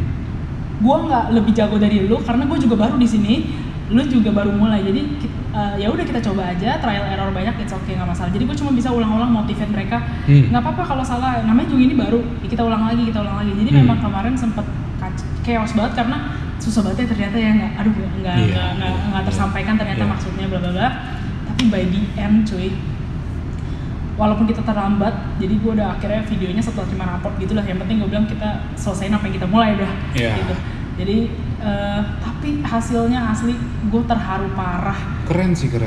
Gue belum Lu nonton, gue belum belum belum belum nonton sampai habis. Cuma Nah, masih kan lu kan kasih teaser teasernya. kan, iya. Masih kreatif sih kayak. parah cuy gue Eh. pengen nangis cuy waktu ngedit kan ngedit bareng-bareng mas ada mereka ada editornya Oh. kayak saya mah kan udah jago tuh ngedit kan Iya iya. iya. aduh gue kayak gila gue dan gue selalu dan itu itu ya makanya gue bilang jadi guru waktu zaman gue sekolah ya tuh biasa nggak ada tuh guru yang appreciate kita nggak ada guru yang yang gue ya gue Iya. nggak tahu dah kalau yang lain tapi gue ngerasain di mana guru tuh kayaknya nggak appreciate apa yang gue lakukan Eh, janganlah appreciate say sorry kalau salah aja enggak gitu Ah. zaman gue ya gue sering ngerasain itu dan di zaman eh di saat ini gue sangat gue sangat sangat eh, sering maksudnya kalau gue ngerasa mereka melakukan hal yang baik ya gue appreciate banget gue sampai kayak murid gue mungkin udah kali sama Miss Reza yang suka suka lebay kalau saya thank you kayak karena karena gue masa lebay itu kalau like, Hmm. saya udah selesai project gitu ya Yeah. gue bisa chat panjang gitu gue appreciate banget kayak eh, thank you banget udah usaha semaksimal ini selama ini bla bla bla Hmm. gue tuh gue lebay banget emang kalau udah habis project tapi Hmm. gue bangga banget asli sama mereka di saat eh, home learning itu melelahkan banget loh gitu mereka Hmm. itu sekolah home learning sampai jam 3 gitu Di- seharian lihat layar gue aja ngajar cuma berapa jam misalnya sehari itu udah pusing kepala gue gitu Iya. pengen tidur gue Iya, iya. tapi mereka bisa tetap komit dan berusaha semaksimal mungkin gitu lah intinya kemarin projectnya gue bener-bener eh, gue terharu banget sih bener-bener di keadaan seperti ini Hmm. wow mereka bisa bisa tetap sekreatif ini cuy gitu. Iya iya iya. Dan Iya menurut gitu. gue juga peran peran lu untuk ngebimbing mereka untuk Uh-uh. selalu memotivasi mereka juga penting banget sih. Nah gue jadi kayak ingat cerita gini sih waktu waktu gue masih sekolah SMA itu, uh, jadi gue punya seorang guru yang memang notabene itu dia adalah uh, gua sekolah gua cuma kalah dari semak satu. Padahal sekolah Hmm. gua entah berantah loh, Uh. bukan ada yang punya nama, bukan sekolah besar di Udah bidang juara dua tuh sa- berarti Hah? udah juara dua tuh berarti Iya di, di Jakarta ya. Eh, Sema- Semak satu bawahnya gua Hmm. hanya untuk bidang spesifik satu bidang itu Hmm. gua nggak sebutin nanti takutnya Hmm. jadi ketahuan. nah karena rata-rata UN kita tinggi sekali 95 something lah gitu kan. Nah sebetulnya setelah gue pikir-pikir eh, dia ngembleng kita gue paling lu, lu paling tryout berapa sih dua tiga kali empat kali maksimal gue 25 kali lebih Sumpah lu. setiap hari Sabtu gue dikasih tryout tryout sendiri ya dan nilai lu kalau nilai lu dapat 8 itu lu pasti dimaki-maki kayak eh, kok lu bisa kayak gini? gitu. Memang sih by the end of the day ketika ngerjain UN rasanya kayak gampang. Gampang, iya. banget gitu kan. Memang positifnya di kita Hmm. tuh kayak gitu. Tapi kalau lu pikir lebih jauh sebenarnya dia memaksakan eh, apa yang ingin dia capai melalui kita loh ah sih gue sih menilainya seperti itu ya.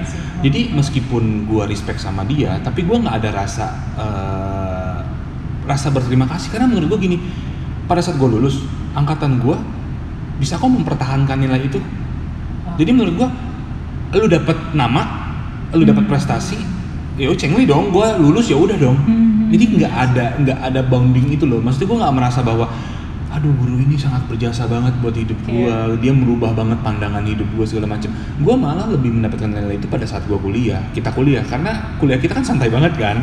Kayak ngeles malah. Dan begitu bro. Iya, iya, maksud iya, gua iya bener-bener. Datang ketawa-tawa pulang ya. Iya dateng ketawa-ketawa. Iya, iya. bahkan lu bayangin dulu semester 1 kita baru bener-bener baru masuk kuliah dapat Iya. project uh, Iya, iya, uh, iya. satu kelas yang harus kerja sama bareng. Bahkan gua aja nggak kenal lu siapa. Hmm. tapi kita harus dipaksa untuk diem duduk bareng itu yang memang harus sebenarnya hidup ya akan seperti itu gitu. Lu nggak bisa milih orangnya bisa milih siapa orang. tapi pada saat lu dikasih uh, kerjaan dikasih task ya lu harus ngerjain itu dengan sebaik-baiknya gitu. Dia nggak peduli nggak peduli lu lagi ada masalah apa Iya. nggak peduli lu uh, punya problem berat seperti apa ya intinya lu dinilai dengan hasil kerja lu gitu loh.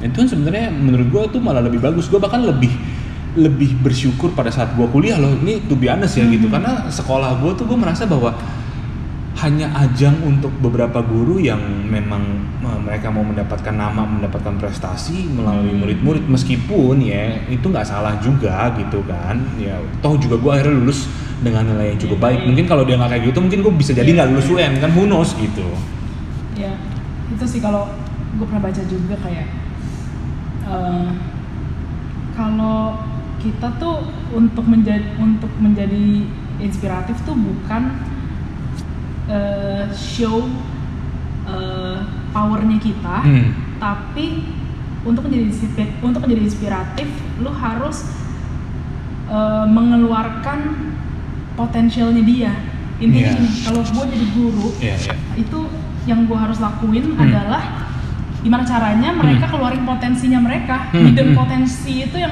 suka mereka pun nggak sadar atau Iya. nggak tahu kalau mereka tuh jago ini loh Hmm. Nah kita yang harus bisa lihat dan memaksimalkan potensi itu jadi nggak Hmm. nggak semata-mata maksain apa yang eh, maksudnya prestasi tertinggi menurut gua adalah di mana murid lo tahu Hmm. potensinya di mana dan dia jadi bisa mengembangkan itu Hmm. Hmm, hmm. tanpa lu kasih tahu mungkin jadi dengan eh, ya pokoknya lu pancing lu bantu untuk dia menemukan potensi dia dan jadinya dia bisa ngembangin gitu itu udah Iya. prestasi tertinggi sih sebagai guru menurut gua harusnya Nah, eh, di kondisi sedang sulit seperti ini, lu aja tadi ngomong kan lu sebagai guru aja lu merasa capek. iya Eh, Nah, lu gimana cara tetap bisa memotivasi murid-murid itu di kondisi lu yang seperti ini? ya dengan kalau gue sih ya dengan dengan nggak memaksakan eh, ber- beradaptasi sih balik lagi Hmm. jadi nggak apa-apa gue yang capek muter otak untuk ganti plan Hmm, hmm. tapi eh, ya gitu maksudnya gini gue nggak akan nge-push mereka untuk eh, nggak maksa gitu loh cuy jadi karena gue tahu kan posisi mereka keadaan mereka Hmm. nggak seperti biasanya Iya, iya. so ya udah gue yang harus beradaptasi gue yang Hmm. harus gimana caranya oh berarti gue ganti aja plannya jadi begini ya oh gue ganti konsepnya jadi begini Hmm. gitu aja sih kalau gue Hmm. intinya memposisikan mencoba ngerti aja posisi dia tuh seperti lagi Iya. kayak gimana gitu nggak bisa dipaksain gitu Nah, kita mungkin kita- dari tadi kan lu bicara soal sistem Hmm. eh, plan dan sebagainya. Nah, mungkin ini agak agak agak kita geser dikit pertanyaannya. Kalau lu bisa merubah sebuah sistem pendidikan di Indonesia, apa yang lu mau rubah?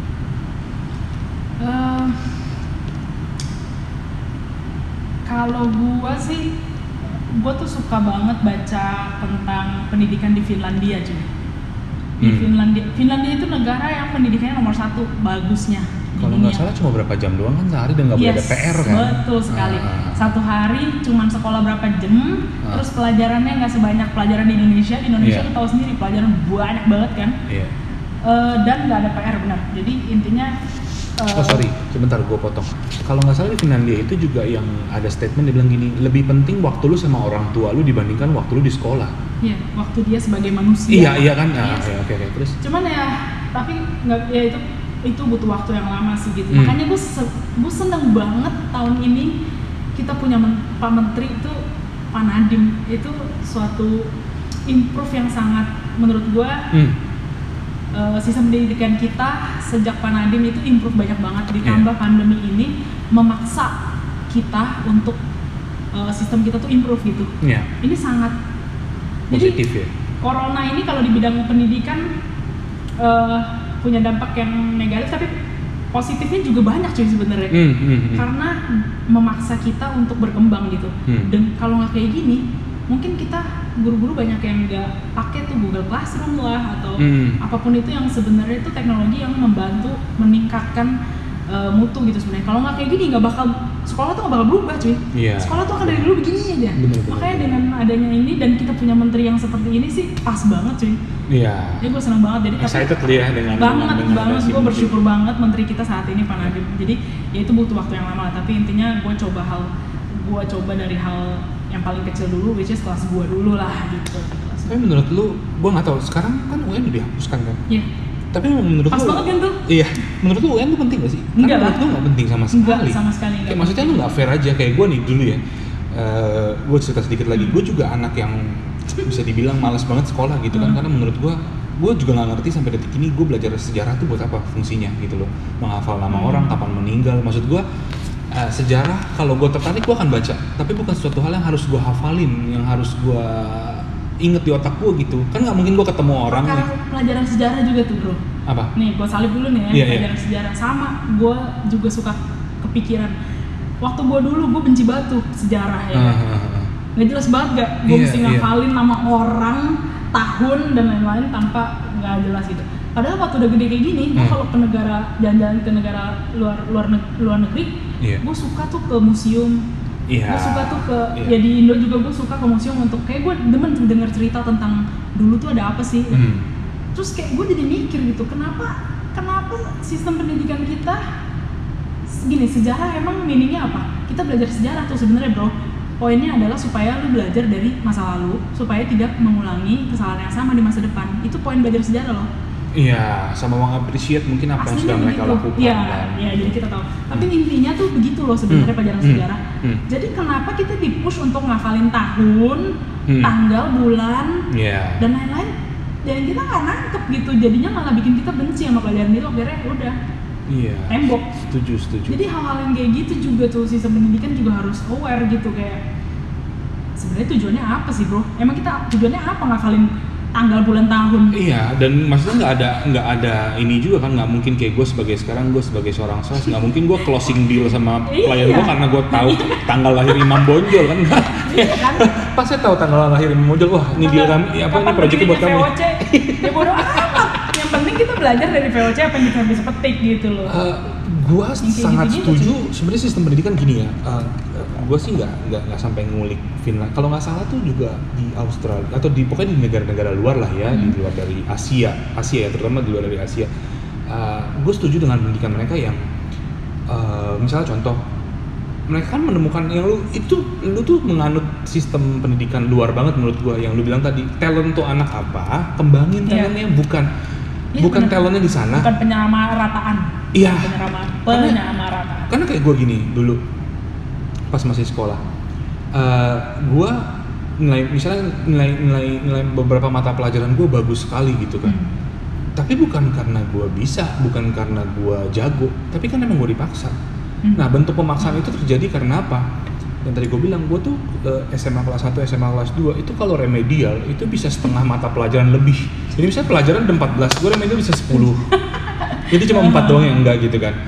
Tapi begitu gua kelas uh, SMA kelas 3 uh, wah lu kalau nggak lulus UN lu nggak lulus loh. Maksud gua nggak fair dong anjir gua sekolah 15 Iya. tahun masa gara-gara nih ujian Iya, satu? tiga hari itu terus gua kayak sia-sia aja gitu kan. Akhirnya bisa jadi tra- tahun terakhir itu gua remedial cuma dua which is bahasa Mandarin sama bahasa Jepang. Ya udahlah ya Iya, maksud gua kan pelajaran yang lain gua bisa kecap. Iya, iya, iya. itu sebenarnya gua ajang pembuktian ke diri gua sendiri. Sebenarnya gua bisa kalau gua rajin tapi emang gua nggak mau. Bukan gua nggak bisa ya emang guanya nggak mau berarti gitu loh.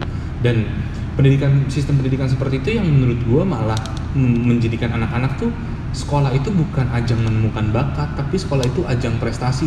Sekarang gini deh be- Iya. lu sebagai seorang guru gua mau tanya seberapa banyak murid yang bisa teriak-teriak loncat-loncat? Gua ranking satu wah gua bangga. Itu orang tuanya atau dia yang bangga Iya, benar-benar. Kalau menurut gua ya maksudnya gua sih nggak bisa mukul rata cuma maksud gua mungkin ada anak yang seperti itu Hmm. yang memang beneran dia yang iya pengen it's Bahagia, okay iya. emang dia berarti talentnya di dunia pendidikan Iya. maksudnya emang dia di akademis tuh pinter gitu kan gitu, iya. iya nah sekarang kalau misalnya pu- lu punya orang nggak usah gua gitu apakah dengan gua remedial 10 remedial berarti gua goblok kan nggak gitu Iya. juga dong maksudnya kalau lu menilai segala sesuatu hanya dari akademisnya Akademis. aja kan sekarang kan IQ lebih penting daripada IQ iya loh. karena nanti robot cuy. Iya. Robot semua bisa dilakukan sama robot kecuali ya itu tadi soft skill. Iya iya iya. Tanggung jawab. Nggak mungkin robot bisa memberikan empati kayak Iya, saya empati, ngerti kamu iya. Betul. kalau cuman akademis semua nanti robot udah. Hmm bener bener Eh, bentar gue cek dulu ya kita udah berapa menit nih? Gitu bro. Mantep juga ya seru juga. sih lu paling lama loh. Coba lu paling lama udah satu jam 21 menit. Temen gue kemarin satu eh temen gue pengen satu satu satu jam gue gak 27 menit guru-guru banget lah bro. Lu jangan terlalu expect gue bro. Gue ini guru guru tanpa itu tadi guru tanpa tanda jasa tapi butuh tanda terima kasih. Gak ada tanda tanda. Eh, tapi Ray, eh, lu karena lu ngebahas soal tanda jasa ya, menurut lu label itu tepat gak sih? Guru itu adalah pahlawan tanpa tanda jasa? Atau itu hanya sebenarnya hanya membebankan mereka aja? hmm, tuh biar sih gue nggak terlalu nggak terlalu tahu ya kalau dibilang sebenarnya tanpa jasa ini maksudnya gimana? Tapi ya balik Ah. lagi sih tadi menurut gue eh, guru tuh kerja sama manusia. Maksudnya yang kita kerjain ini yang kita kerjain lagi ya gue kerja sama manusia bukan sama barang bukan sama Iya, produk. jadi iya, iya. eh, gimana kita mungkin gak selamanya kita bisa gimana ya bro ngomongnya? Maksudnya banyak hal yang mungkin eh, di luar eh, apa sih di luar apa sih namanya ekspektasi atau di Ah, luar hmm. di luar planning dan lain-lain tapi gimana tapi kalau gue lihat guru-guru itu selalu tetap tetap akan ngasih apa yang terbaik buat muridnya as Hmm. human gitu jadi nggak ya ya udahlah yang paling praktisnya kan jam ngajar misalnya gitu Hmm. Itu guru-guru mah ya kerja lebih cuy dari jam yang seharusnya tapi tanpa Hmm. tanpa minta apa-apa gitu karena Lembur atau apa segala macam. eh, ya ya itu kita ngerjain manusia gitu kalau itu anak masih butuh dan Hmm.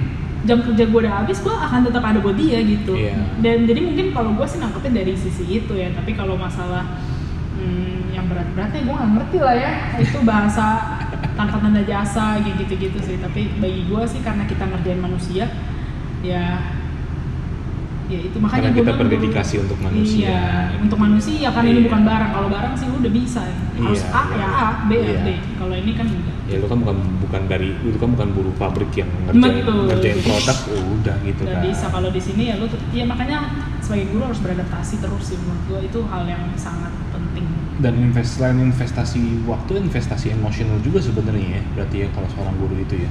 Iya sih iya. Emosional bukan konotasi negatif ya maksudnya emosional kan yang dengan bentuk empati simpati. Iya. Yang- empati iya benar banget sih. Dan lu belajar di jadi seorang guru ini mengasah e- nilai empati lu gak? ya iyalah bro. Sangat ya? sangat sangat. Gue makanya gue seneng banget sih profesi ini kayak hmm, ya gue banyak belajar juga jadinya. Gue banyak ya pokoknya banyak banget deh bro yang didapat yang gue nggak Hmm. mungkin dapat kalau gue kerja di bidang lain gitu pengen sih gue sebenarnya jadi guru Asik. Pengen- serius serius memang gue pengen pengen gue tuh sebenarnya dulu sebelum gue ambil kuliah di kampus kita tuh sebenarnya gue pengen jadi psikolog Hmm, Uh, iya, cuma iya, karena gue lihat bukunya tebel banget gitu kayak gue udah sekolah udah capek baca buku terus kayak harus baca buku Iya, lagi iya, iya. kayak enggak deh Kayaknya gitu udah deh. makanya sering kalau orang nggak ngerti ya kalau nggak tahu gitu Hmm. ya kerjaannya si guru gue juga baru tahu karena gue jadi guru bro Iya. dulu gue juga kayaknya guru doang Hmm. guru ya guru guru aja gitu kayaknya sepele kayak kayaknya Iya, gampang iya. dulu sumpah bray setelah gue jadi guru jadi guru tuh bukan guru doang guru itu adalah manajer dokter psikolog eh, pelatih Hmm. terus apa ya orang tua kakak pokoknya semua gitu Hmm. guru tuh sebenarnya profesi yang butuh skill paling macem-macem beragam gitu cuy nggak gampang Iya. setelah gue jadi guru gue baru tahu dalam-dalamnya cuy makanya gue Ah. suka aduh mohon maaf nih bapak ibu saya bapak ibu guru saya dulu kalau saya dulu nakal Nah, mungkin eh, sebagai penutup ya Raya, Ya. gue mau nanya apa yang ingin lu sampaikan ke murid-murid lu yang kalau denger podcast ini udah tahu murid gue pasti udah tahu gue mau ngomong apa udah hafal, udah hafal. ya pokoknya eh, ya Stay positif, nggak jangan kayak gitu lah, itu toxic namanya. toxic positivity ya sekarang lagi banyak toxic positivity sekarang agak pusing gue banyak banget ya ini ya apa istilah-istilah Istilah-istilah banyak baru, banget. iya. Iya, iya, iya. ya pokoknya itu sih kalau gue sih cuman satu sih pokoknya do what you love do what excite you udah karena eh, ya itu gue gue gue pun pernah ada di posisi gue nggak tahu apa yang gue mau Hmm. gue mau kayak gini terus atau enggak gitu Hmm. jadi tapi begitu gue tahu oh ini yang gue mau dalam hidup gue Iya. gue bangun pagi tuh semangat coy Ah. Itu- itu. Ah. Ya lu tau gua, datang ke kuliah telat mulu. Bisa kerja di guru. Guru tuh jam 7 lo kerja. Iya, gua kalau iya, nongkrong sama iya. teman-teman ya cuman gua yang kerja sampai pagi pasti. Temen-temen Iya, mah iya. kan kantor kan kerja jam berapa? 9 Jam kan? 9, iya. Cuman gua pasti sampai pagi tapi Ah. gua bangun tuh. Datang tuh. Karena excitementnya itu ada. itu ya. yang ngebangunin lu ya. Ah, ah, itu yang ah. bikin lu semangat untuk kalau enggak lu ada. kalau enggak lu bangun tidur tuh kayak aduh udahlah rutinitas ini. Tapi mungkin kalau gue nambahin sedikit ya buat murid-murid lo, gue sering beberapa kali sih gue ngomong juga di podcast gue ini bahwa penting untuk kita semua untuk mengekspresikan uh, perasaan. Jadi jangan pernah merasa lu kalau lagi sedih, terutama cowok-cowok ya. Kalau Iya. cewek-cewek sih mungkin gue nggak terlalu care karena karena cewek lebih ekspresif biasanya Iya. gitu.